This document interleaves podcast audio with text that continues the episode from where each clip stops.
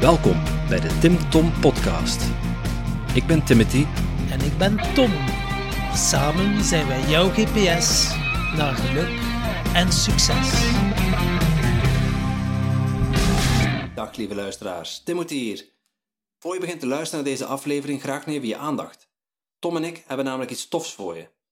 Ben jij, net als wij, gek op persoonlijke ontwikkeling en wil je de beste versie van jezelf worden? Dan heb ik goed nieuws. Speciaal voor jou hebben we onze beste leestips en onze mooiste inzichten samengevat in een handig e-book. Surf snel naar www.timtompodcast.com om jouw gratis PDF te downloaden. Hallo lieve luisteraars, welkom bij alweer een nieuwe aflevering van de Tim Tom Podcast. Jouw GPS naar geluk en succes. In route 21 hebben we Lies Ozaar te gast.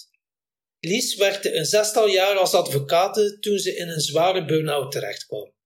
Door niet langer te kunnen werken, verloor ze een deel van haar identiteit. Ze stelde zich dan ook de vraag: wie is Lies, nu ik niet meer kan werken? Ze trok op onderzoek naar haar ware ik en zo begon haar pad naar persoonlijke ontwikkeling.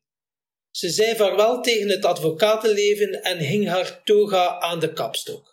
Ze besloot om het over een heel andere boeg te gooien.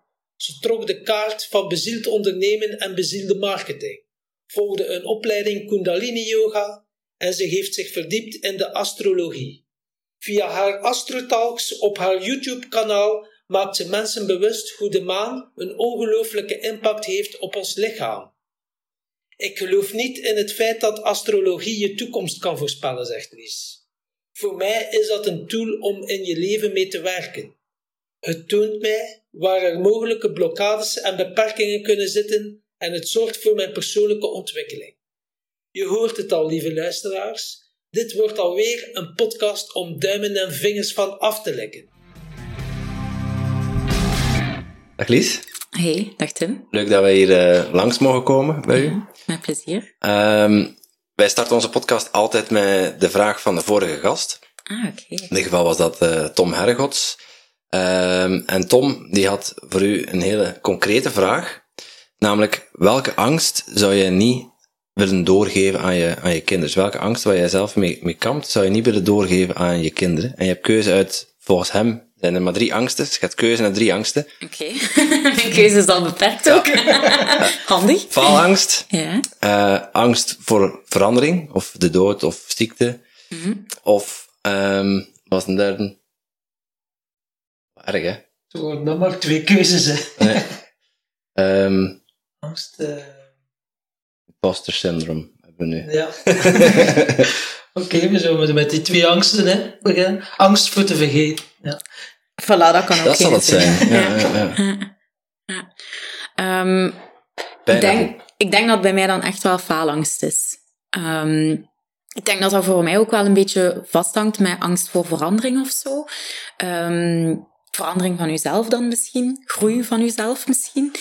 Um, maar faalangst is echt wel een dat ik um, graag gewoon los zou laten of zo en uh, mijn kinderen van uh, zou behoeden. Ja, maar ik heb er nog geen. Hè? Met, het wordt doorgegeven op, op generatie op generatie, volgens, uh, volgens Tom. Dus, mm, ja, maar dat kan ik mij heel goed inbeelden. Um, maar ja, dus dat is echt wel iets dat ik heel graag niet zou doorgeven. En, en hoe, hoe uitzicht dat bij u? Hoe uitzicht faalangst bij mij? Um, misschien uitstelgedrag? Boris loopt over tafel. Ja, Dat is de kat. Ja. um, dus misschien uitstelgedrag. Um, ook echt wel gewoon dingen niet doen. Um, om teleurstelling te vermijden. Ja, bij mij is dat echt wel van... Ik heb daar eigenlijk onlangs... Um, ja, ik ben ook constant bezig met persoonlijke ontwikkeling. En er was onlangs uh, ook een vraag van, van iemand... welke belemmerende overtuigingen zitten er eigenlijk allemaal in u? Um, en er was bijvoorbeeld ene bij mij, um, oh ja, ik ga dat niet proberen, want dat gaat mij toch niet lukken. Dat, dat is bij mij mijn faalangst. Ik ga dat niet proberen, dat gaat mij toch niet lukken. Mhm. Mm -hmm. En zo uitzicht dat dan, en dat is dan uitstelgedrag of gewoon niet in actie komen. Ja. En bij, kun, je daar, kun je daar nu op een bepaalde manier mee omgaan, zodat je dat Mm. uitstelgedrag kunt omzetten in daadkracht? Mm. Um, ja, maar de eerste stap bij mij is altijd bewustwording. Um, wanneer dat ik mij daar niet bewust van ben, um, dan geloof ik dat ook echt, dat mij dat niet gaat lukken. en dan ga ik dat ook gewoon niet doen. Dan zie ik dat niet als een faalangst, dan zie ik dat gewoon als dit is niet voor mij weggelegd. ja, dus dat is er is voor mij echt wel nog een link naar het niet um, realiseren of het niet gaan, um, geen actie uitvoeren.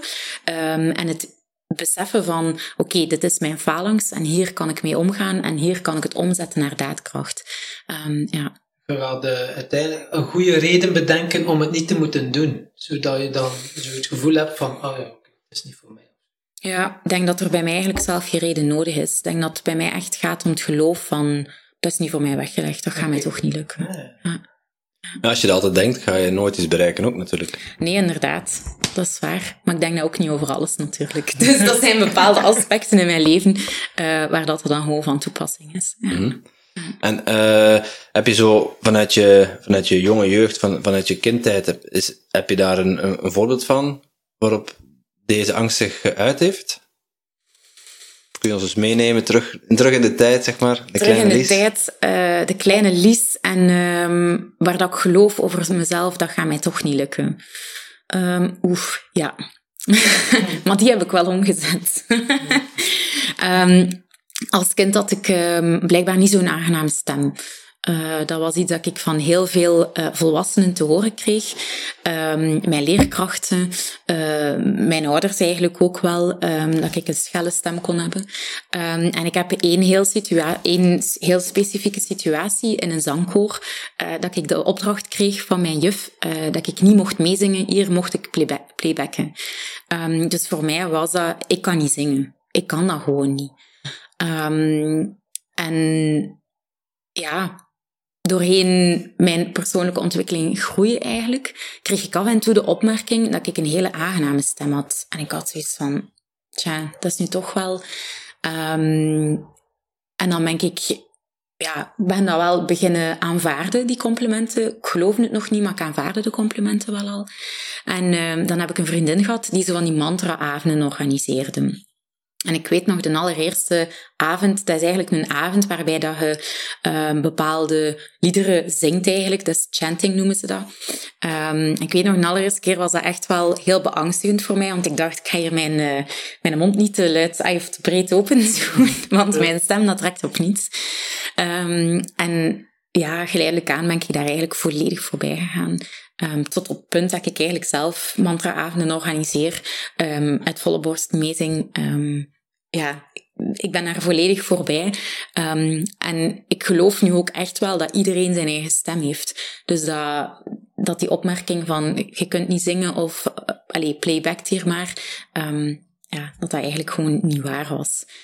Dus toen had ik echt wel de angst uh, om te zingen en dat heb ik toch wel helemaal omgezet. Begrijp ik het dan goed? Is het door de complimenten dat ik kreeg van anderen, je hebt eigenlijk wel een aangename stem, dat dat is veranderd. Stel dan die mensen nu hadden gezegd van, Liesje, je stem trekt op niets, dan zouden misschien nu nog altijd met die overtuiging gezeten hebben, of niet? Of zou het zelf ook kunnen... Uh... Hmm, um, ik denk inderdaad dat dat um, waar is, door de opmerkingen van andere mensen, dat ik daar zelf op ben beginnen letten. Um, en dat is wat ik bedoel met het bewust worden van een stuk in jezelf. Um, ik had die opmerkingen meegekregen. Ik heb die opmerkingen als waar aangenomen. Um, maar nadien heb ik die eigenlijk niet meer in twijfel getrokken. Um, het was ook niet dat ik dat miste in mijn leven. Uh, ik zong wel onder mijn douche, maar ik had niet de behoefte om voor een groep te gaan zingen. en door die opmerkingen ben ik dat dan inderdaad wel gaan onderzoeken. Dus dat is voor mij inderdaad wel ja, zo aan een klik geweest om daarmee aan de slag te gaan. Dus uiteindelijk kan ik, kan ik het zo samenvatten, als je een beperkende overtuiging hebt, ga die een keer gaan onderzoeken en evalueren van klopt dat wel? Ja. Ja, bij mij is dat zeker het geval. Um, de moment dat ik ergens op bots en ik wil iets gaan realiseren, ik wil iets in de wereld gaan zetten, um, en ik ik, ik bots op blokkades, ook al weet ik nog niet, zijn dat blinde vlekken, zie ik die nog niet, is dat bij mij echt wel het eerste wat ik doe. Namelijk één, wat geloof ik hier over mezelf? En twee, wanneer dat, dat niet helder wordt, want heel vaak zijn dan nog blinde vlekken, ga ik mezelf de vraag stellen, oké, de mensen die al staan waar ik wil staan, wat geloven zij? En heel vaak komen er dan uh, blinde vlekken en beperkende overtuigingen bij mij naar boven. En dan ga ik die inderdaad gaan challengen en gaan omkeren. En uh, ja, dan doe ik het innerlijke werk. Ja, De, comfort, de comfortzone uit. En... Ja, inderdaad. De learning zone. Ja, inderdaad.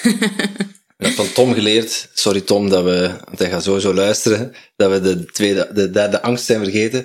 Maar van hem hebben we geleerd dat, dat uw comfortzone dat die echt heel groot is daarbuiten. Uh, dus buiten u, ja, dus daar waar de groei zit. Mm. Daar veel mogelijkheden zijn. Om... Edwin Selei zegt het nog zo. Dus je hebt de comfortzone en dan heb je de learning zone. Mm. En vergelijk het met een vogeltje dat in de nest zit en dat de eerste keer moest vliegen en loopt op dat takje.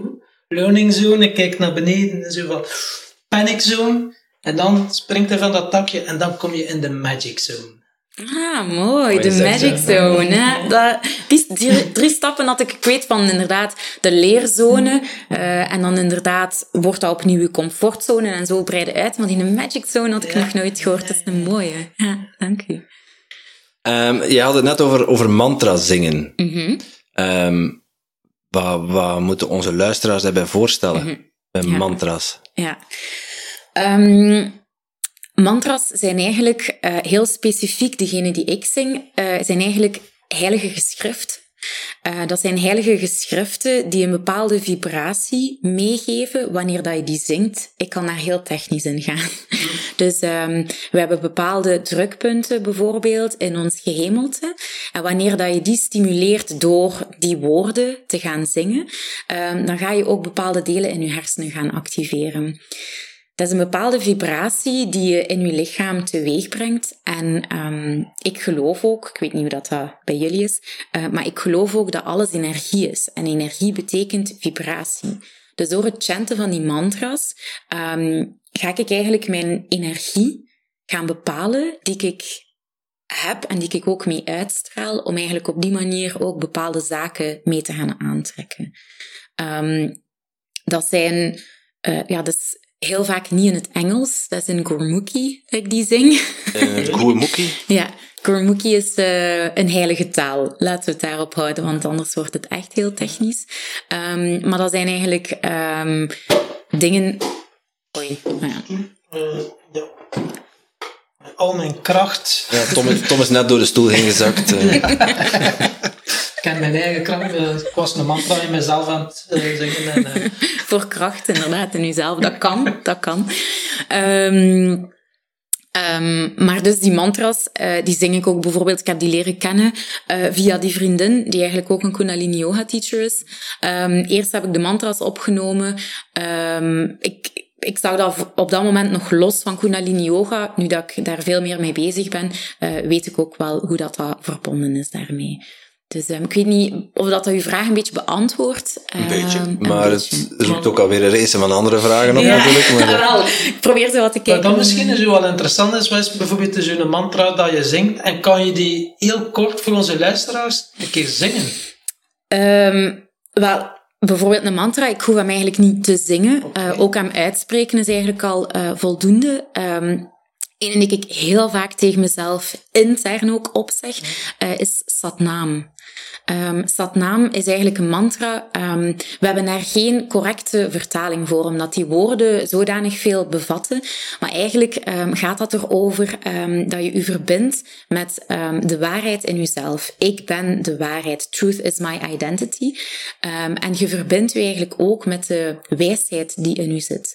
dat is een mantra die eigenlijk linkt met het universum en de universele wijsheid die eigenlijk ook in u zit.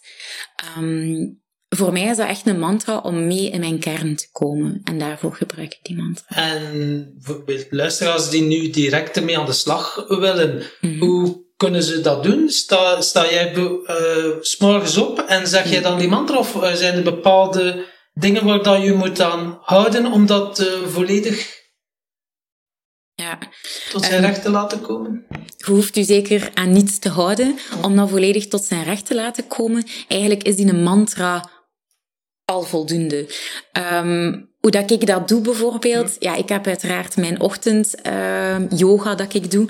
En dan uh, doe ik tijdens mijn oefeningen bij een inademhaling sat, een uitademhaling naam. En zo ga ik eigenlijk doorheen mijn ochtendroutine sat, naam, sat, naam, sat, naam, sat, naam. Um, en eigenlijk is dat al voldoende. Um, ook gewoon intern um, dat vibreren. Uh, geactiveerd gewoon de de kennis en de, de wijsheid van die mantra in jezelf. Um, dus dat is eigenlijk al voldoende als je daarmee aan de slag wilt gaan. Dat is ook wat ik gewoon zo fijn vind aan mantra's zingen. Um, je kunt dat heel low profile houden, maar tegelijkertijd is dat ongelooflijk krachtig. Ja, net zei je, uh, mantra's zingen drukt bepaalde drukpunten, waardoor de mhm. energie vrijkomt. Mm um, waardoor dat je intern ook die energie laat stromen. Mhm. Alleen als je het intern in jezelf zegt, dan gebruik je niet die drukpunten. Mm, maar gebruikt wel de kracht van je mind. Mm Ja. Um, als je de kracht van je mind gebruikt, ga je ook bepaalde delen gaan uh, activeren.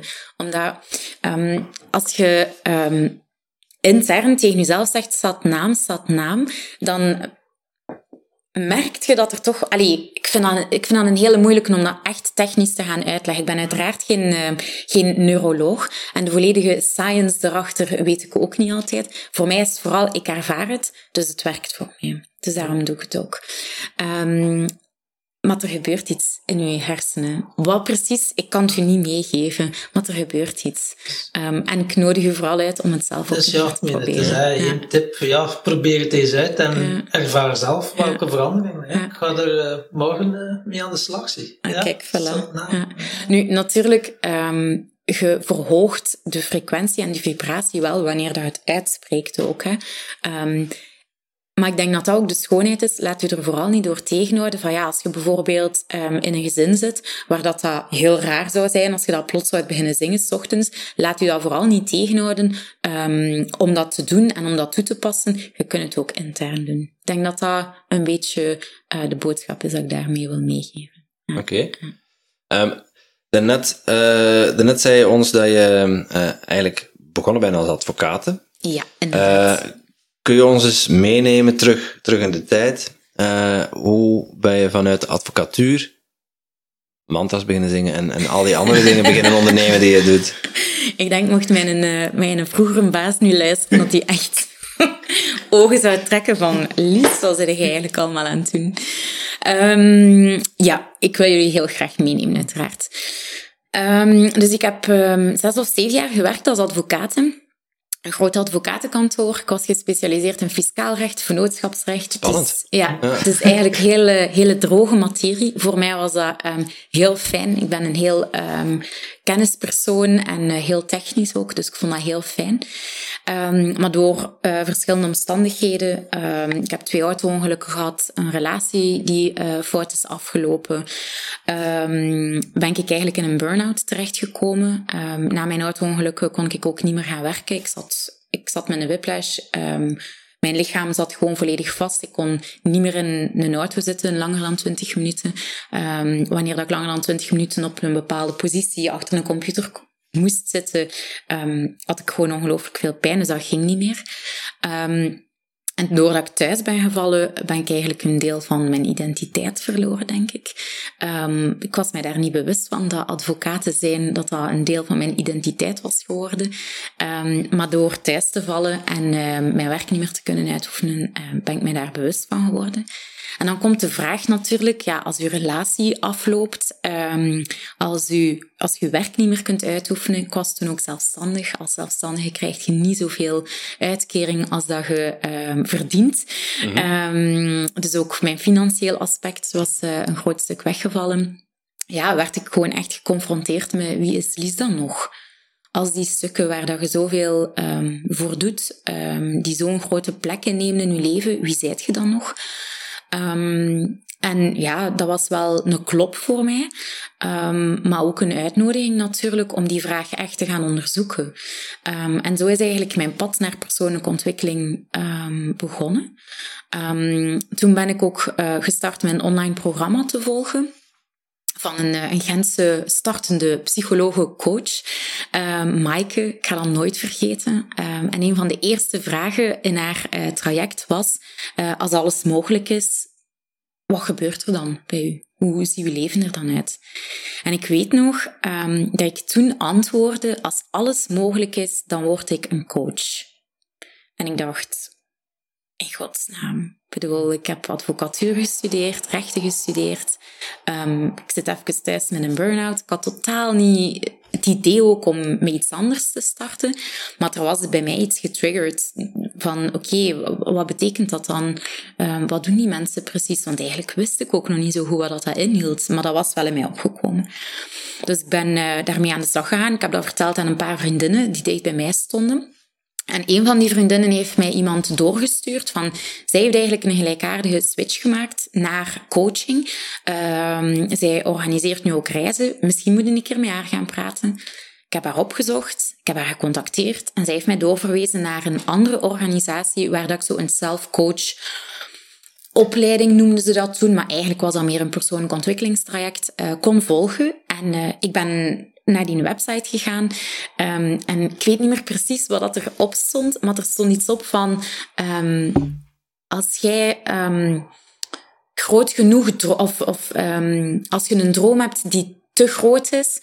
Uh, of nee... Ik weet het niet meer hoe dat, hoe dat er stond, maar die zin sprak mij zo hard aan. Het ging over het feit dat je een droom hebt die heel groot is en dat je nog niet weet hoe dat je die kunt gaan realiseren. Uh, kom dan een keer met ons praten. En ik had zoiets van, ah ja, oké. Dus ben daar naartoe gegaan. Bij, bij wie was dat? Uh, dat was bij SOF, SOF Center in Gent. Um, die hebben ook al ondertussen een volledige transformatie ondergaan.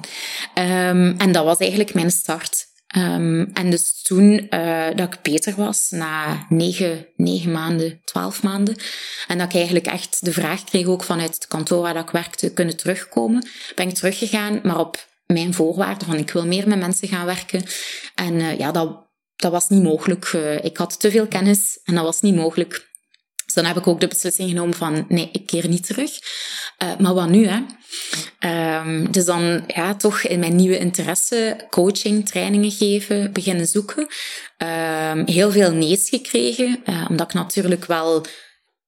Ik had wel al wat kennis opgedaan, maar het is heel beperkt. Mijn opleiding um, was rechten. Ik had heel veel ervaring in de rechten. Dus mensen hadden zoiets van, jij bent te hoog gekwalificeerd voor hetgene wat jij hier nu komt doen. Dus uh, nee.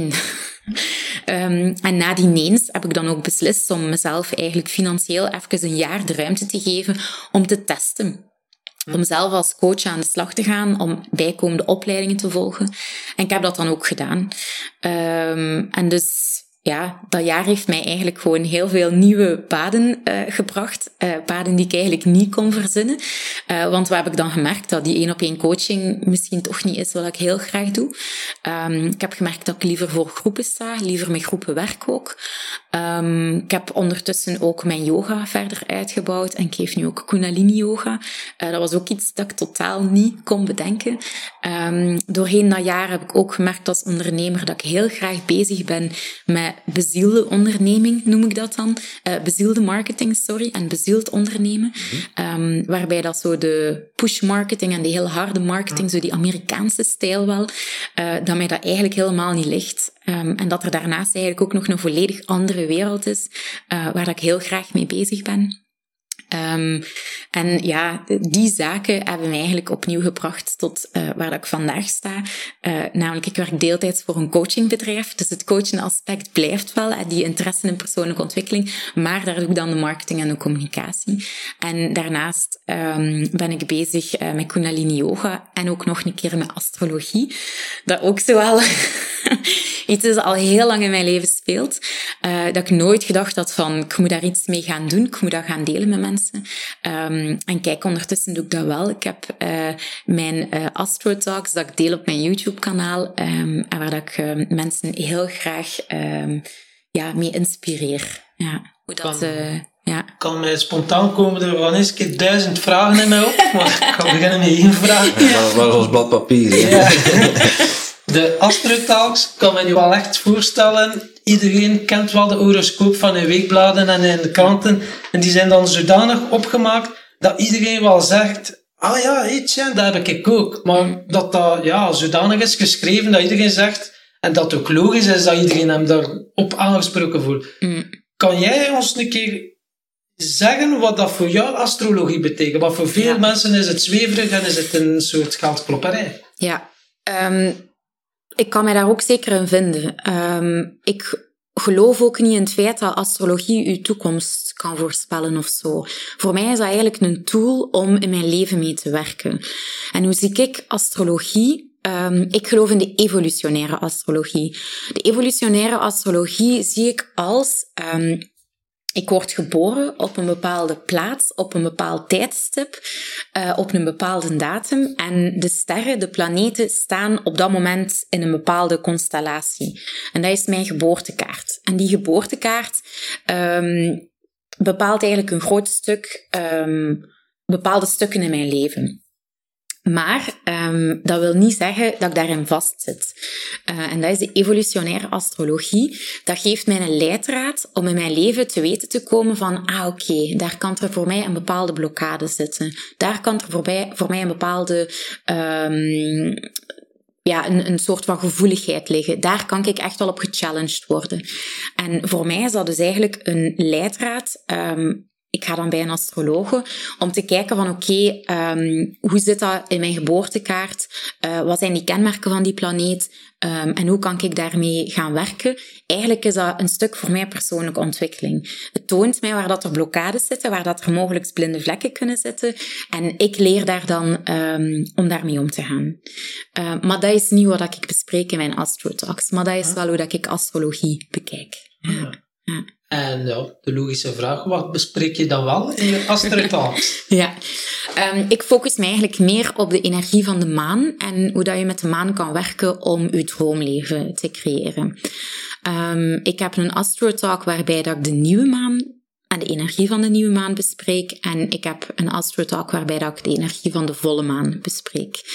Ehm, ik weet niet, is het interessant als ik daar even op inga? Ja, Dat mag. Ja, want als je vragen hebt daarover of zo, is het ook altijd handig om Ik daarop kan me wel te voorstellen, sommige luisteraars eh, zullen het wel zweverig vinden, maar als ze openstaan met een open mind luisteren, ja, kan er altijd iets geleerd worden natuurlijk. Hè? Ja. Dat is, Ehm, ja, de maan eh, en de invloed van de maan. eh, we kunnen dat inderdaad allemaal wel zweverig vinden. Nu, er zijn heel veel wetenschappelijke studies die wel bewijzen ehm, dat de maan effectief een impact heeft op ons lichaam. Ehm, maar eigenlijk ook, ehm, als je gewoon even logisch redeneert, de maan bepaalt eigenlijk eb en vloed bij ons eh, op deze planeet. Dus de maan heeft een impact op het water op onze planeet. Dus die heeft daar een bepaalde aantrekkingskracht op. Ehm, dat is ook bewezen dat bij nieuwe maan, dus wanneer dat we de maan niet zien, ehm, dat die impact veel minder groot is dan wanneer dat we volle maan hebben. Dan is die impact veel groter. Dan zien we dat ook, dat er verschillende centimeters verschil zijn naarmate dat eb en vloed wordt opgetrokken. Ehm, als je weet dat de maan een impact heeft op water en wij bestaan voor 70 of 80 procent uit water, ja, dan zou het wel heel absurd zijn om te zeggen, de, het meer of eh, de zee waar dat we aanwonen, daar heeft de maan een impact op. Maar op het water dat in ons lichaam zit, ja nee, daar heeft de maan geen impact op. Ehm, opnieuw, ik ben ook iemand, ik heb dat ervaren. Ik heb dat zelf ervaren, wat dat die impact is van de maan op mijn lichaam. Bij nieuwe maan ehm, was ik persoonlijk veel rustiger. Bij volle maan konden er al heel veel emoties oplopen en was er een spanningsveld en je merkte dat ook. Ehm, en dan ben ik dat ook gewoon gaan onderzoeken. Ehm, hoe dat, dat precies eigenlijk allemaal zat en vooral hoe dat ik daarmee kon gaan werken. En dat heb ik dan ook in mijn eerste jaar dat ik eigenlijk als zelfstandige gestart ben, eh, heb ik dan ook gedaan. En dat was eigenlijk te gek eh, wat ik mee kon, eh, kon gaan realiseren.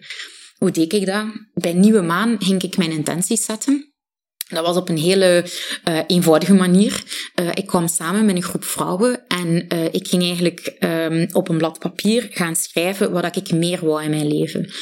Ehm, bij momenten was dat ik wil meer zelfliefde, ik wil meer vertrouwen in mijn leven, uh, of ik wil coach worden en ik wil workshops gaan organiseren. Dus dat, zijn allemaal intenties. Ja, dat, zijn, dat is een intentie. Bijvoorbeeld, ik wil coach worden of ik wil meer zelfvertrouwen. Dat kan je omschrijven als een intentie. Ja, inderdaad. Nu, uiteraard, uh, vanuit mijn coachende achtergrond wist ik dan ook wel van intenties omschrijf de best als ik heb ze al gerealiseerd, ik ben een coach, ik geef workshops, uh, ik ontvang zoveel mensen uh, in mijn workshops, ik sta op die plaats en ik ben daar aan het geven. Um, dus dat is dan inderdaad de manier waarop ik die intenties vorm gaf. Um, en wat ik dan merkte, uh, nu natuurlijk, dat is niet na één keer dat ik dat opmerkte. Hè. Maar wat ik dan merkte, is de intenties die ik bij nieuwe maan heb gezet. Bij volle maan werden mijn blokkades die ik daar nog op had, duidelijk. Die werden mij plots gespiegeld door... Twee, twee weken... Sorry, twee weken later... Ja. ja, twee weken later kreeg ik plots... Um, bijvoorbeeld... um, je krijgt dan uh, klanten die inderdaad bij u in coaching willen komen. En dan komen nu blokkades eigenlijk op. Ja, maar ik heb, ik heb geen coachruimte, dus ik kan dat niet doen. Dus um, ik begon eigenlijk echt te merken hoe dat de maan de intentie heeft om dingen te gaan realiseren die ik echt wil en die ik echt vraag, maar ook wel uh, op de manier van de blokkades die in u zitten, hebt jij ja, door te werken. Hebt jij echt te clearen op je pad. Um, en ja, daar hielp de maan mij dan bij. Bij volle maan werd mij duidelijk wat ik nog op te kuisen had. Um, waar dat ik in het begin sprak over blinde vlekken, zaken die nog onbewust zijn, hielp de maan mij om die bewust te brengen. En dan was het aan mij om de verantwoordelijkheid te nemen en om daarmee aan de slag te gaan. En ja, dat is natuurlijk mijn verhaal. Eh, ik nodig uiteraard iedereen uit om daarmee aan de slag te gaan als je getriggerd voelt, als je zoiets hebt van, dat is bullshit je hoeft dat niet te proberen. Ik, ik kan u daar eigenlijk wel in volgen. Hè. Ik bedoel, je, je, um, het is een iteratief proces, wat, zich, wat zich telkens herhaalt. Ja. We hebben daar vanuit onze, vanuit onze huidige kalender ook onze tijd aan gekoppeld. Mm-hmm. Proberen koppelen, want de natuur laat zich niet in een, uh, in een hokje steken van 365 dagen. Ja. Maar uh, ja, die, de zon schijnt op de maan en ja. Ja, de, de aarde draait er af en toe voor. En daardoor zien wij ongeveer één keer per maand een nieuwe maan. Een volle maan. Uh, ja. Een volle maan. Ja, de nieuwe maan. Die de nieuwe maan zien we niet, maar ja. zien we eigenlijk ook, hè. Dat we de maan niet waarnemen. Je maar kunt de maan inderdaad ja. dan... Ja, maar ze is er wel. Ja, maar de maan is een... Ja, is dode materie. Hè? Dat is gewoon dat is een rots, steen, mm -hmm. een hemellichaam, wat om onze aarde heen cirkelt. En die een bepaalde zwaartekracht uitoefent op aarde, waardoor wij getijden Mm-hmm. hebben. Maar die maan die is er wel altijd. Mm-hmm. Of het nu volle maan is, of de zon er nu op schijnt, ja of nee. Uh, of dat wij dat kunnen zien dat de zon erop schijnt, ja of nee. Dat speelt voor die maan natuurlijk geen rol. Want die draait gewoon rond de aarde en die heeft een bepaalde aantrekkingskracht. Hè, die oefent zwaartekracht uit op de aarde, waardoor wij getijden ervaren. Um, wat maakt dan dat voor jou nieuwe maan of een, uh, of een volle maan zo, zo speciaal is? Het gaat eigenlijk om de combinatie met de zon. Want het is heel mooi wat je zegt. Bij nieuwe maan um, staan de zon en de maan samen. Dus die bundelen hun krachten eigenlijk dan. En wanneer dat volle maan is, dan staan die eigenlijk recht tegenover elkaar. Dus dan belicht de zon de maan. Uh, en dan creëren ze een spanningsveld. Um, en het gaat eigenlijk om die combinatie, waardoor dat je daarmee kunt werken. De zon wordt heel hard, gelinkt aan onze yang-energie. De maan wordt gelinkt aan onze yin-energie. En eigenlijk geven zij ons een bepaalde natuurlijke cyclus waar wij in ons leven um, doorheen kunnen bewegen om van yang naar yin te gaan en om terug naar yang te gaan en naar yin te gaan om eigenlijk um, Eigenlijk is dat een soort van eb en vloed dat je hebt doorheen de maand dan. Um, Voor onze luisteraars, ja, heel ja. kort, yang en yin. Uh, kan ja. je dat heel kort een keer omschrijven wat dat verschil is? Um, hoe dat ik dat invul, uh, want je hebt daar verschillende definities rond en kernwoorden rond. Yang is voor mij de mannelijke kant, de meer actiegerichte kant en de uh, energie waarbij dat we echt naar buiten gekeerd zijn. Um, dus dat is echt zo het, uh, de do-modus, uh, de actiemodus. Um, ja, de mannelijke, hier ben ik dan. De yin is de vrouwelijke energie, is meer de energie van de ontvankelijkheid, de ontspanning. Um, ja, de dingen laten gebeuren en laten komen en ontvangen. Dus zo zie ik Ah, de yin en de yang. De yang. Ehm, en daar gaan de zon en de maan, dus de zon is yang, de maan is yin, ehm, door eigenlijk de, ehm, de cyclus dat zij doorlopen, ehm, gaan ze daar eigenlijk mee spelen. En dat is wat dat een impact heeft eh, op ons lichaam, of wat dat ik toch ervaar dat een impact heeft op mijn lichaam. En wanneer dat de maan, eh, dus wanneer dat nieuwe maan is en we zien ze niet, dan bundelen eigenlijk de zon en de maan hun krachten. En dan is er eigenlijk ook geen spanningsveld. Als je jezelf dan vergelijkt met de zee of een glas water, hè, we zijn een, een, een tube en 70% is water. Wanneer dat je weet dat de impact van de maan dan iets minder eh, groot is, hè, de maan wordt ook heel sterk gelinkt aan onze emoties, ehm, dan zie je eigenlijk dat dat water rustig is. Dat is een rustig kabbelend water. Ehm, en wanneer dat je iets wilt gaan realiseren of een zaadje wilt planten, een intentie wil zetten, is een zaadje planten, kijk gewoon naar de natuur. Ehm, dan ga je dat ook niet doen wanneer dat er superveel storm is eh, en de wind, de, de kans dat eh, de wind je zaadje wegblaast, en dan ga je dat ook niet doen. En dat is eigenlijk bij nieuwe maan, is je water heel rustig. Dus wanneer dat je een zaadje plant, gaat dat zaadje heel zacht naar de bodem zakken, gaat dat zijn grond vinden en gaat dat ook kunnen beginnen schieten. En dan komt eigenlijk de periode waarbij dat als dat zaadje zoal zijn, eh, zijn grond heeft gevonden en wat begint te schieten, dan gaan die uitdagingen komen, dan gaan de blokkades komen. Dan zoekt dat zaadje en dat, eh, dat plantje eigenlijk, dat beginnend plantje, zijn weg naar boven. En dan vinden de blokkades. En dan hebben we eh, dus de cyclus van nieuwe maan naar de volle maan, waarbij dat er een spanningsveld eigenlijk ontstaat. En ehm, in dat spanningsveld ehm, worden eigenlijk ook de, eh, worden onze blokkades dus ook wel duidelijk. Nu, bij de volle maan is het spanningsveld creëert eigenlijk eh, heel veel emoties of toch heel veel, heel veel strubbelingen in onze eh, glas water, als ik die vergelijking mag doorzetten. Ehm, en dat is dan eigenlijk een hele goede periode, hoe dat ik het ervaar, om stukken los te laten. Ehm, wanneer dat er een keer goed geschud wordt en een blokkade of een emotie of een sensatie of een belemmerende overtuiging komt naar boven en ze is al een beetje losgeschud, kijk daarnaar, doe het werk en laat ze los. Ehm, en dan gaat het terug ehm, in de cyclus naar de nieuwe maan, waarbij dat je terug in de yin ehm, eh, energie gaat, waarbij dat je inzichten kunt gaan opdoen, de stukken die je wilt loslaten ook effectief gaan loslaten. Ehm, om je terug klaar te maken van oké, ik heb nu weer ruimte gemaakt in mijn moestuin, zeg ik dan, om nieuwe zaadjes te gaan planten. En eh, zo ook een nieuwe cyclus terug beginnen.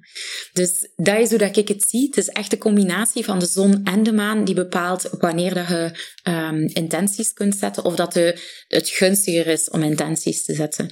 Eh, wat dan nu natuurlijk ook niet inhoudt van ehm, ik mag alleen intenties zetten bij nieuwe maan. Opnieuw, laat u daar niet door tegenhouden om intenties te zetten bij volle maan als je dat voelt dat je dat wilt doen.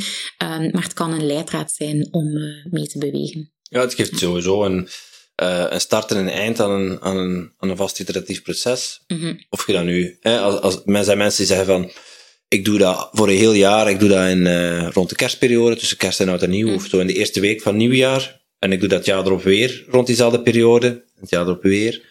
Eh, of voor maandoenen, als je de eerste van de maand kiest. Of de volle maan, Ja, of de nieuwe maan. Ja. Het geeft, ja, het geeft u wat houvast voor een...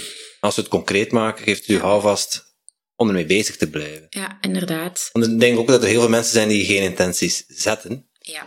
Ehm, Ja. wat- als, als, je, als we dat concreet maken, zeg, hoeveel, eh, hoeveel punten schrijf je dan op zo'n blad? Je hebt- neem een blad papier, dus eh, voor u is dat dan op, die, op de, de dag dat nieuwe maan is. ja, inderdaad. Eh, wat, wat schrijf je daarop? Dat hangt er echt vanaf. Ehm ik, ben, ik ben iemand die heel intuïtief leeft. Ehm, dus voor mij staan daar eigenlijk geen regels op. En ik denk dat dat ook het fijne is. Ehm, met de maan ook, er staan daar ook... Dat is een kader waarbinnen dat je kunt bewegen, maar er staan daar geen regels op. Ehm, maar hoe ga ik aan de slag? Ehm, ik steek een kaars aan, eh, ik zet wat leuke muziek op voor mezelf ehm, en ik neem er mijn dagboek bij of ik neem er een leeg blad papier bij. Soms betekent dat dat ik een hele tekening maak en dat dat een gigantisch eh, A3-blad is. En soms is dat een heel klein bladje uit een toevallig eh, mini-dagboekje dat ik nog vind. Ehm, wat ik altijd mee start is, wat ik op dat moment nodig heb, wat ik op dat moment wil gaan realiseren. En soms is dat een waslijst van uh, tien dingen, uh, praktische dingen. Um, en soms is dat één groot kernwoord, zoals vertrouwen. Ja, bij mij zijn daar geen regels uh, over. Um, maar wat ik wel merk is, door daar even aandacht aan te geven, hè, um, energie volgt je aandacht, worden de zaken ook wel duidelijker. Eén, waar dat je vertrouwen kunt halen bijvoorbeeld. Um, of twee, waar dat je net niet in dat vertrouwen staat en waar dat je nog kans hebt om te groeien. Mocht ik daar geen aandacht geven, dan uh, zou dat niet belicht worden. In ja, alles wat je aandacht geeft, groeit, zeggen ze ook wel eens. Ja, ja. Mooi. Um, daarnaast hoorde ik jou iets zeggen over, uh, over yoga. Mm -hmm. Kundalini yoga. Ja. Kundalini. Kundalini yoga. Ik hoor het al, ik ben een leek. Ja. kun, je, kun je ons, uh, ons kort eens uitleggen wat, wat dat precies inhoudt en ja. ja. wat ik mij daarbij moet voorstellen? Ja. Um, Kundalini Yoga is voor mij eigenlijk een yoga-vorm die heel sterk gelinkt is aan persoonlijke ontwikkeling en um, het ontwikkelen van mijn bewustzijn. Um, het is een, ik wil niet zeggen een atypische yoga-vorm, want er zijn wel stukken uh, vanuit de yin-yoga of de yang-yoga uh, die daar ook in voorkomen. Maar wat dat het zo voor mij zo speciaal maakt en zo krachtig ook vooral maakt, is dat het eigenlijk de intentie heeft om uw eigen Kundalini-energie op te wekken. Niet door externe middelen, maar eigenlijk door ademhaling, door fysieke bewegingen en door het zingen van mantras.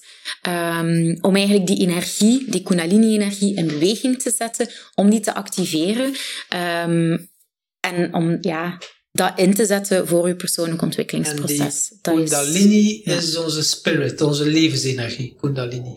Uh, ja, je kunt dat op verschillende manieren gaan invullen natuurlijk. Hè. Uh, maar heel technisch, theoretisch is eigenlijk de energie die um, slapend aan de, um, de onderzijde van je ruggenwervel ligt um, en die inderdaad geactiveerd wordt. en dat wordt dan inderdaad de yin-yang energie die langs je ruggenwervel uh, op spiralt um, opkomt eigenlijk. En die inderdaad zorgt voor um, uw awakening, uw ontwaken. Ja. Ja. ja je, je, combineert het dan met, met bepaalde bewegingen, mm -hmm. uh, neem ik aan. Ik denk yoga is... Is bewegen, is bewegen. ja, tuurlijk. Ja. zijn er dan... In, in welke zin is het anders dan de traditionele yoga?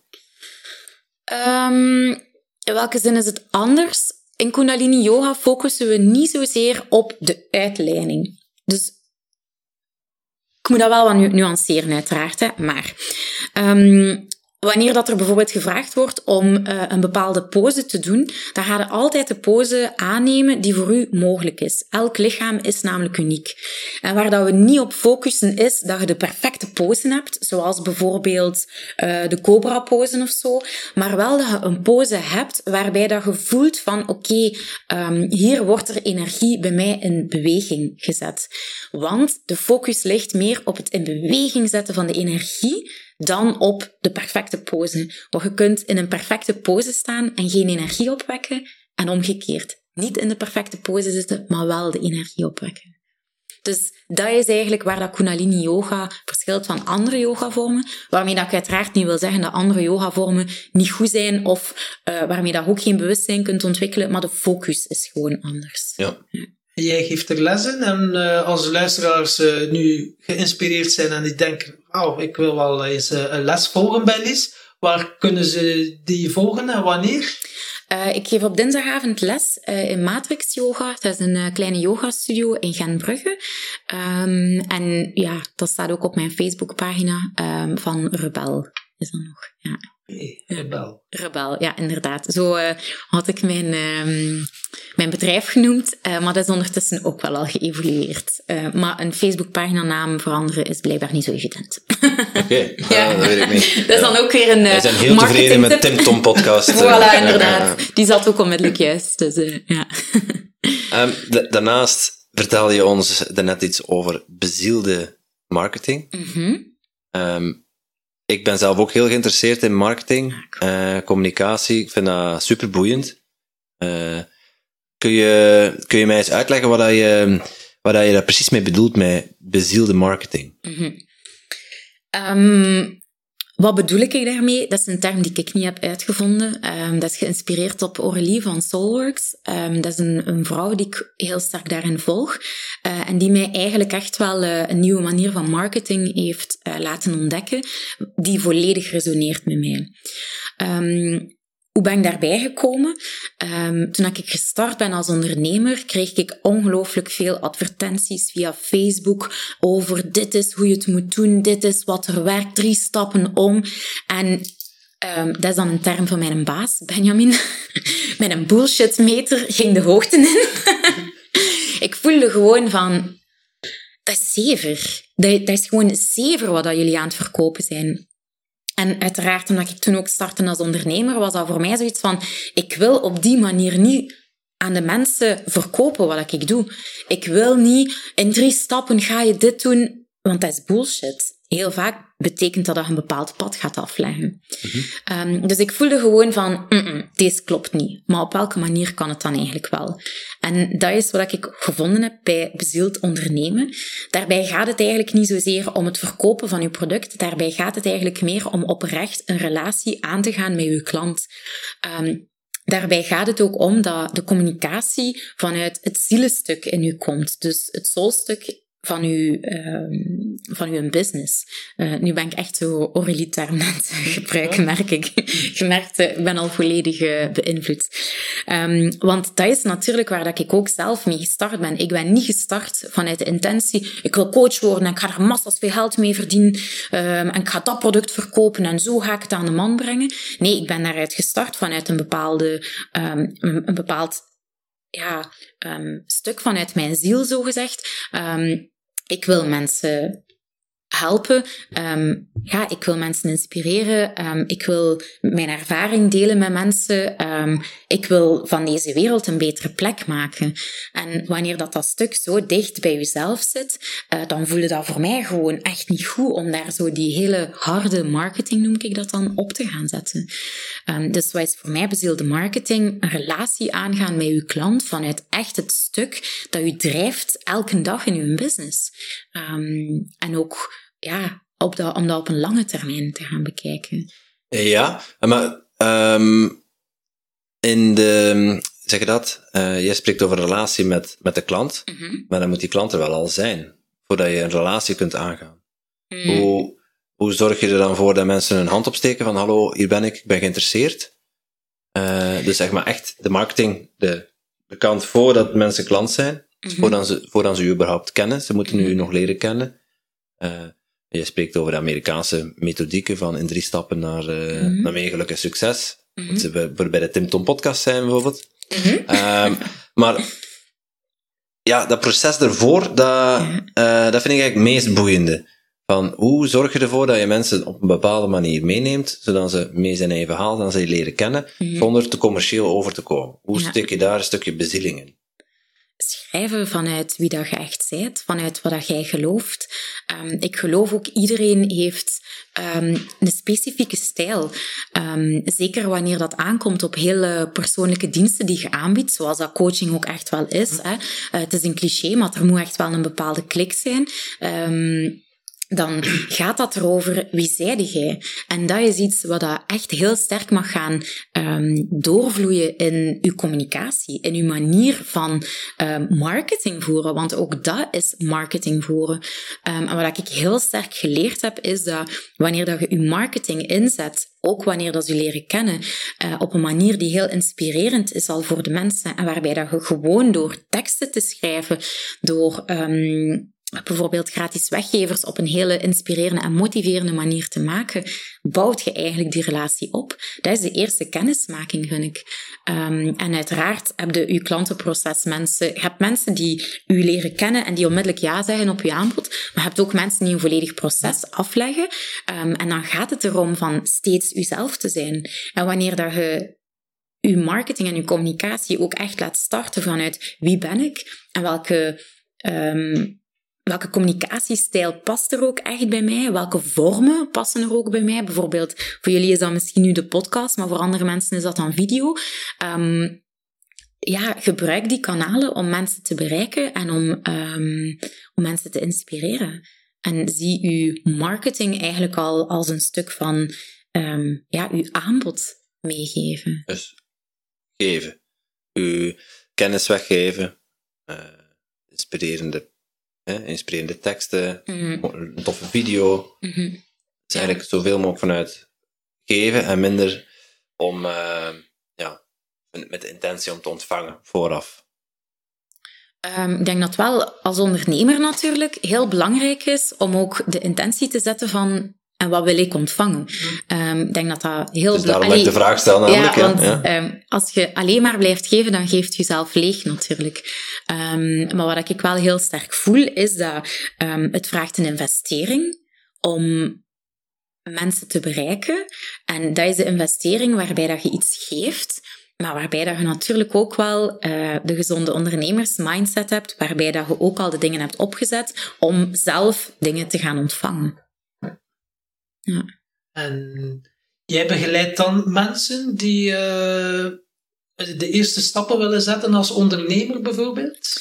Ga jij marketingstrategie met hen samen uitwerken? Of? Ja, uh, nee, op dit moment nog niet. Um, op dit moment werk ik uh, voor een coachingbedrijf en uh, neemt dat eigenlijk al mijn, mijn aandacht op dat ik wil besteden aan de marketing en de communicatie. want daarnaast wil ik dus ook wel nog mijn ruimte houden voor mijn astrologie en mijn yoga.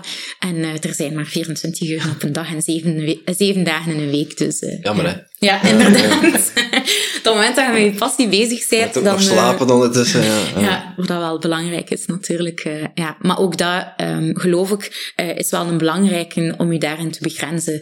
Um, als ik alles zou doen wat ik heel graag zou willen doen, uh, dan zou ik leeg zijn uh, nog op het einde van de maand en zou ik niet meer verder kunnen doen. Um, en ook dat is een bepaalde verantwoordelijkheid dat ik wel voel als ondernemer in het leven, om te doseren. Je loopt een marathon en geen sprint. En werk jij dan met de weekplanning en die prioriteiten, of hoe doe je dat? Want je hebt zoveel interesses. En hoe ga jij daar prioriteiten in stellen en keuzes maken? Want daar lopen veel mensen wel aan vast. Ze willen ineens dat en dat en dat doen. En uiteindelijk zijn ze bijna leeg en uh, beginnen ze weer opnieuw. Ja, ik vind het uh, heel speciaal dat je die vraag nu stelt ook. Uh, omdat ik daar eindelijk voor mij een manier in gevonden heb die echt werkt. Oké, okay, um, ben ik heel benieuwd. Ja, ja. recht zetten. um, ga even recht zetten. Ik ga wel al op voorhand meegeven. Voor mij is dat een vrouwelijke manier om dat te doen. Um, ja. Nu, ik wil niet zeggen dat dat voor de mannen uiteraard niet van toepassing is. Um, maar wat ik als vrouw uh, heel sterk gemerkt heb, is dat Eén, ik ben gestart met de maan en met de intenties zetten, maar de maan heeft ook een hele sterke uh, impact op mijn ja, menstruatiecyclus als vrouw. Um, en die cyclus ik heb mij daar dan ook in verdiept, um, heeft um, een hele sterke, wordt heel sterk bepaald door mijn hormonen. En dat bepaalt ook dat ik in bepaalde periodes uh, heel sterk ben in mijn yang-energie, dus in naar buiten komen, in actie gericht zijn, en dat ik in bepaalde periodes meer in de yang-energie ben. En wanneer ik kijk naar de dingen die ik doe, bijvoorbeeld uh, mijn intuïtieve meditaties die ik opneem, de astrotalks dat ik opneem, dat zijn voor mij, heb ik periodes van yin-energie, waarbij dat ik Boris komt weer een beetje voor de micro lopen. um, waarbij dat ik um, ja, inspiratie ontvang en zo. En wanneer dat ik dat dan zou inplannen op momenten dat mijn yang-energie heel sterk is, ja, dan botst dat gewoon keihard. Dus doordat ik um, mij ben beginnen ik ben echt beginnen werken met mijn menstruatiecyclus. Um, en ik heb dan ook echt gemerkt van oké, in die periodes plan ik eigenlijk beter het opnemen van mijn video's. Het opnemen van deze, deze podcast bijvoorbeeld. Uh, plan ik best mijn workshops ook in. Plan ik best ook mijn afspraken in om met mensen um, samen te zitten om te brainstormen. En in die periode plan ik gewoon beter in dat ik um, mijn aanbod uitschrijf, dat ik nieuwe ideeën um, um, mag ontvangen, uh, dat ik bijlees over bepaalde stukken waar dat ik meer kennis rond uh, wil opdoen. Dus voor mij is dat eigenlijk op die manier. Um, ik werk met een maandkalender en niet meer met een weekkalender. Oké, een maandkalender. Ja, ja, waarbij dat ik doelstellingen stel, voor mezelf wel, maar waarbij dat ik dan ook echt kijk van wanneer zijn de momenten waarop dat ik die het best kan inplannen. Ja. Ja, daar hebben wij natuurlijk niet heel veel aan. Maar de vrouwelijke luisteraars misschien wel natuurlijk. Hè? Of ik moet mij afstemmen op de menstruatiecyclus van mijn partner, dat kan nog. Maar... Dat, kan, uh, dat kan zeker interessant zijn ook. Uh, ja, dat kan zeker interessant zijn. En uh, je praat ook al over het pad van persoonlijke ontwikkeling. En wanneer, dus dat is gestart tijdens jouw burn-out periode, die, ja. dat pad van uh, persoonlijke ontwikkeling. Zijn er dan ook bepaalde boeken dat jou geïnspireerd hebben, of bepaalde mensen dat is echt van. Uh... Massa's. Massa's. Um, dat is ook een proces dat je aflegt. Hè.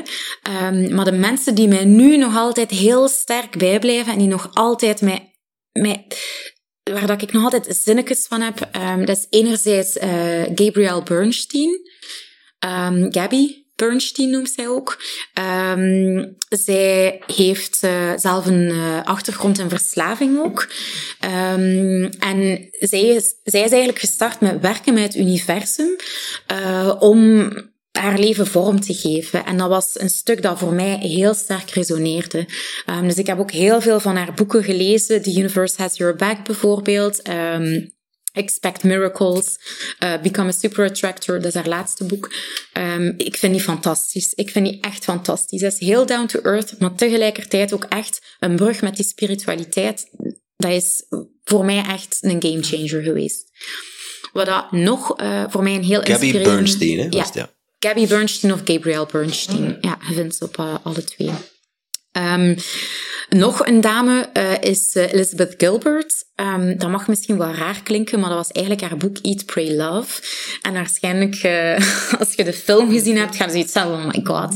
Maar die een boek was voor mij zo helend. Dat was ongelooflijk. Um, omdat daar ook echt wel een stuk van relatie in zat en relatie loslaten, dat een plaats geven. Ook wanneer dat je het idee had van ik heb mijn soulmate ontmoet en ik moet dat nu loslaten. Hoe werkt dat precies allemaal? Dat was voor mij een heel helend boek. En zij heeft ook het boek geschreven Big Magic. Um, dat is over hoe dat ideeën ontstaan en hoe dat ideeën eigenlijk u kiezen en niet omgekeerd.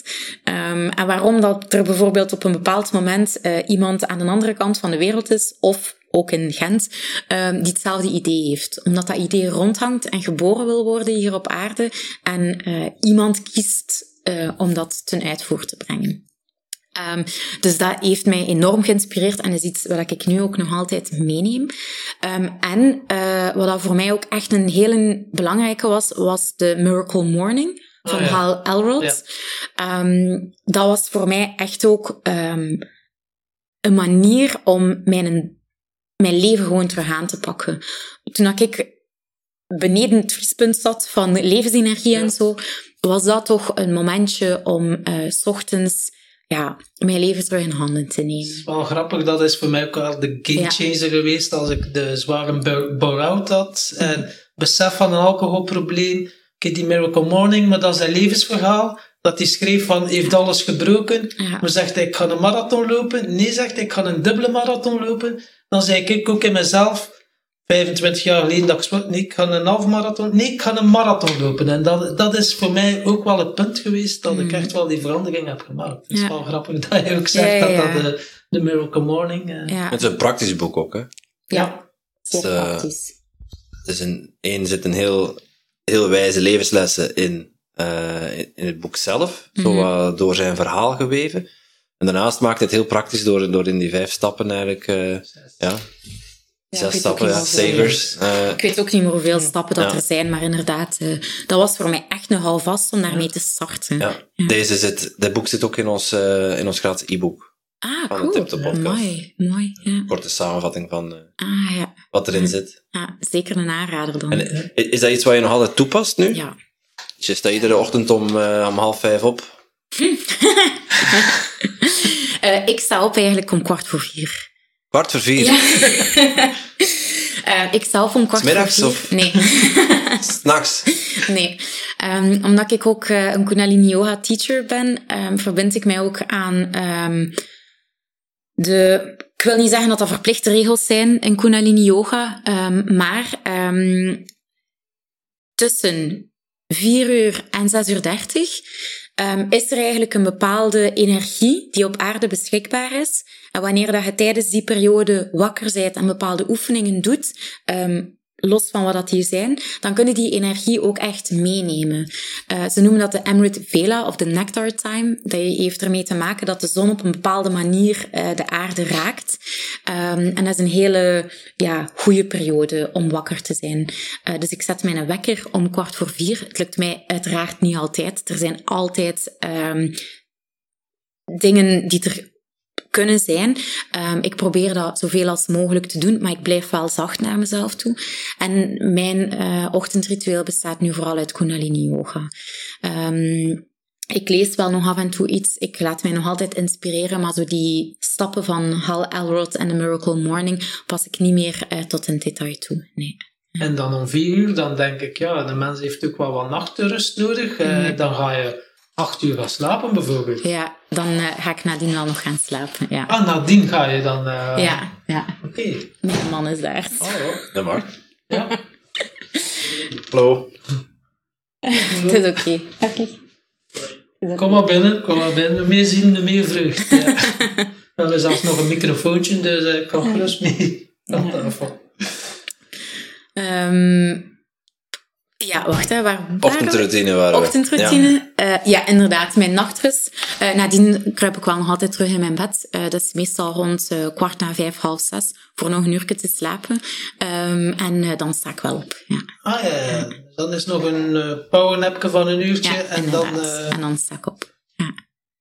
En hoe laat kruip je dan in? Want dat was nog de vraag van Tom. Ah ja, um, rond tien uur, maar soms is dat eigenlijk ook vroeger. Um, ik ben echt iemand um, die het echt ja, nodig heeft van in slaap te vallen voor 12 uur s'nachts. Um, daar zijn ook wetenschappelijke onderzoeken naar gedaan dat dat eigenlijk een periode is uh, waarbij dat je veel um, dieper slaapt. Um, ze zeggen dat uh, de uren voor 12 uur tellen dubbel. Dus als je van 10 tot 12 al geslapen hebt, heb je in plaats van 2 uur eigenlijk al 4 uur geslapen. Ja, dat is ergens ook een overtuiging natuurlijk.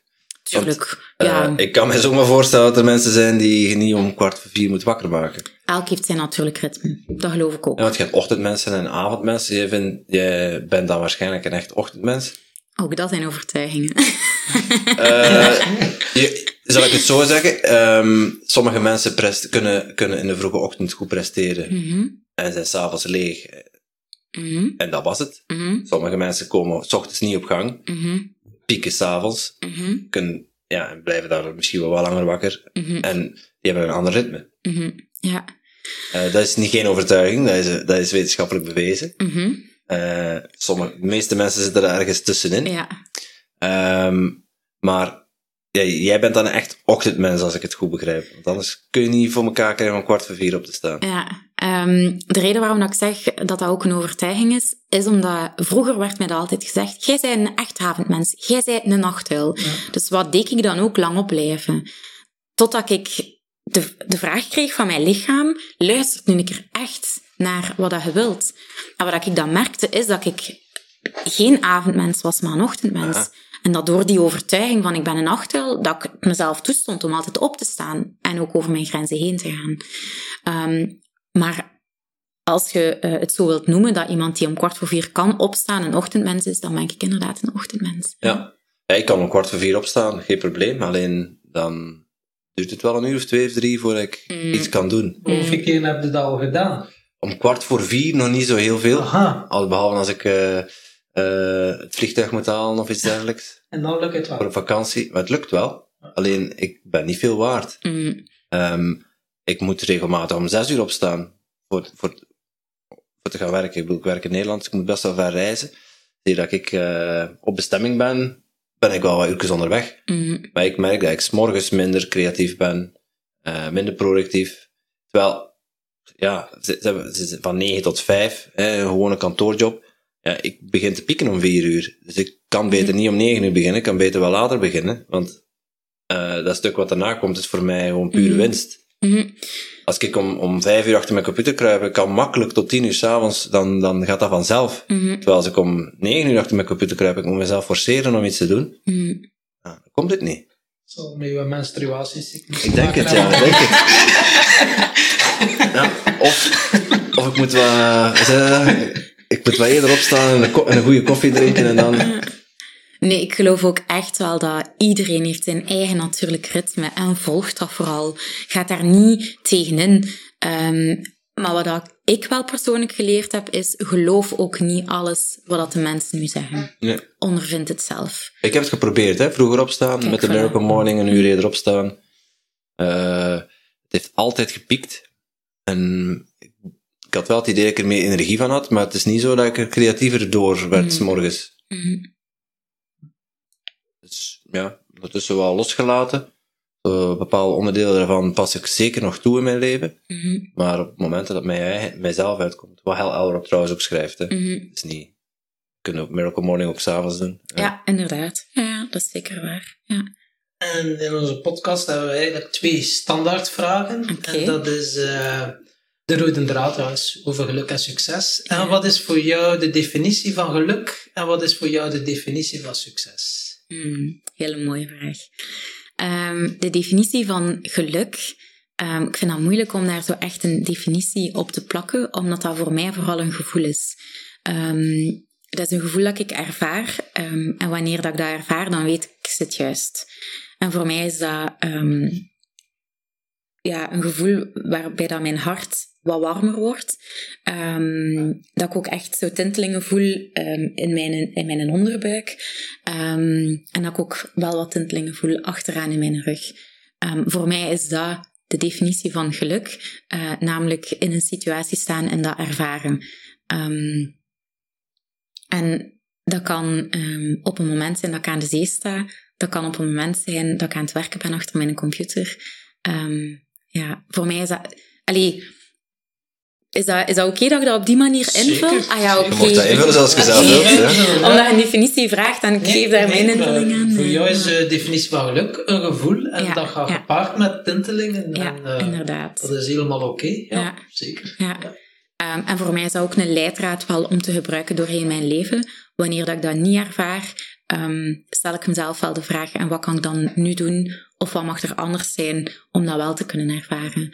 Um, niet dat dat altijd daar moet zijn natuurlijk, uh, maar wanneer dat lang uitblijft, is dat wel een keer iets om bij stil te staan voor mij. Kan je al een keer denken van, is dat wel het pad dat ik moet ja, bewandelen? inderdaad. Ja, voor mij is dat inderdaad een, een leidraad in het pad dat ik bewandel. Ja. En um, voor mij is succes, hangt daar echt mee samen. Succes is voor mij uw goed voelen. Uw goed voelen en uzelf mogen zijn um, op elke mogelijke manier.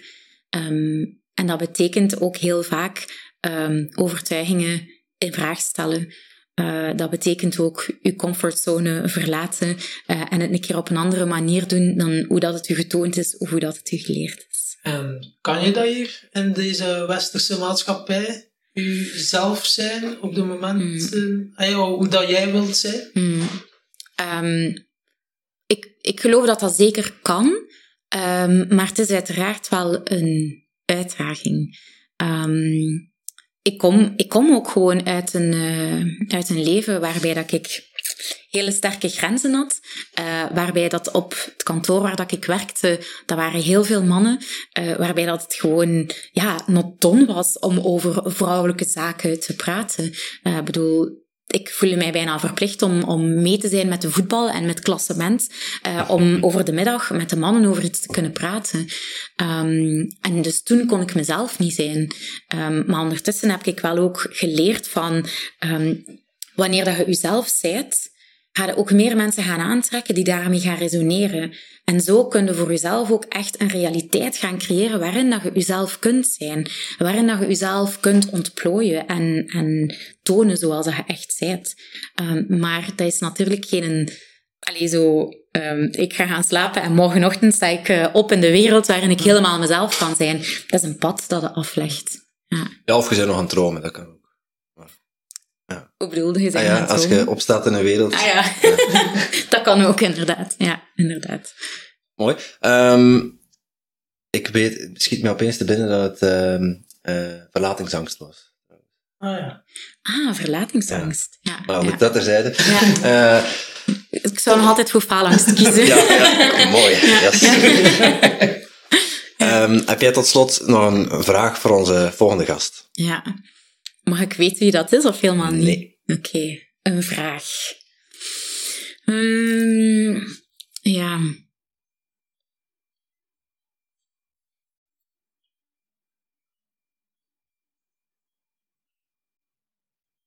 Hmm. Ehm, ik ga het misschien zo in stukjes moeten formuleren. Maar de vraag die ik zou willen stellen is: ehm, als je helemaal opnieuw mocht beginnen, zou je dan nog in hetzelfde investeren als waar dat je nu in investeert? Tijd, geld, allebei? Alles. In het stuk van je onderneming waarin je bezig bent, in de persoonlijke ontwikkeling, in het huis dat je gekocht hebt, in de plek waar dat je leeft, in de relatie waar dat je in zit. Als je mocht opnieuw beginnen, um, zou je dan nog in hetzelfde investeren als waar dat je nu in investeert? Mooi, we gaan doorgeven. Ja, super. Ik ben er benieuwd uh, wie dan nu de volgende gast gaat zijn, natuurlijk. Als mensen meer informatie over jou willen weten, je had net al kort mm -hmm. je Facebookpagina genoemd, maar waar kunnen ze dan terecht? Um, eigenlijk is dat vooral mijn Instagram-pagina. Dat is uh, lies.ozaar. Uh, daar deel ik al mijn uh, magie en vrolijkheid. Um, en op mijn Facebookpagina van Rebel kunnen ze dus ook mijn evenementen vinden. En aan een nieuwe website wordt vlijtig gebouwd. Oké. Okay. Okay als die af is tegen dat uh, de podcast live gaat, zullen ja. we hem onder de, onderin de show notes zetten? Um, dat wordt gewoon uh, liesozaar.com. Dan gaan we die er alvast onder zetten. En uh, ja, als, ze willen, als ze snel naar uw Instagram willen, dan kunnen ze via de mijne. Ik zal u taggen als de ah, ja, super, aflevering online staat. Dan kunnen ze via die post rechtstreeks bij u terecht. Oké, okay, dat is heel fijn. Dank u wel. En voordat we afsluiten, is er nog iets waar dat we het nog niet over gehad hebben, dat je graag nog zou willen delen met de luisteraars? We hebben het over zoveel gehad. ik denk dat dit al genoeg is. Um, nee, ik denk het eigenlijk niet. Het was ook heel boeiend om uh, met jullie in gesprek te gaan. Omdat je ook echt wel uh, op de verschillende aspecten wilt ingaan. Dus dat is wel echt fijn. Dus dank je wel daarvoor. Ja, gedaan. Ja. En is er... We eindigen altijd met nog een slotboodschap die onze gasten meegeeft aan onze luisteraar. Dat kan een quote zijn, maar dat kan ook iets anders zijn. Mm. Is er nog iets dat je zegt van, kijk, dat ga ik delen met de luisteraars? Um, een slotquote, um, een dat bij mij de laatste tijd ook wel terug wel leeft, is uh, allow life to happen. Um, ik ben persoonlijk wel iemand die heel graag de controle houdt over bepaalde stukken. Um, maar dat betekent dan ook heel vaak dat ik de ruimte niet laat om het leven te laten gebeuren. En daar zijn we toch ook wel een beetje mee begonnen. Dat inderdaad het pad zich toont um, wanneer dat het de ruimte geeft om, uh, om het zich te laten ontvouwen. En even weggaat van hoe dat het er voor u zou moeten uitzien of zo. Ja, dus Mooi. dat is een dat de laatste tijd weer heel veel opspeelt en dat ik dan misschien nog wel wil delen. Super. Dankjewel. Dankjewel, Lies. Alsjeblieft.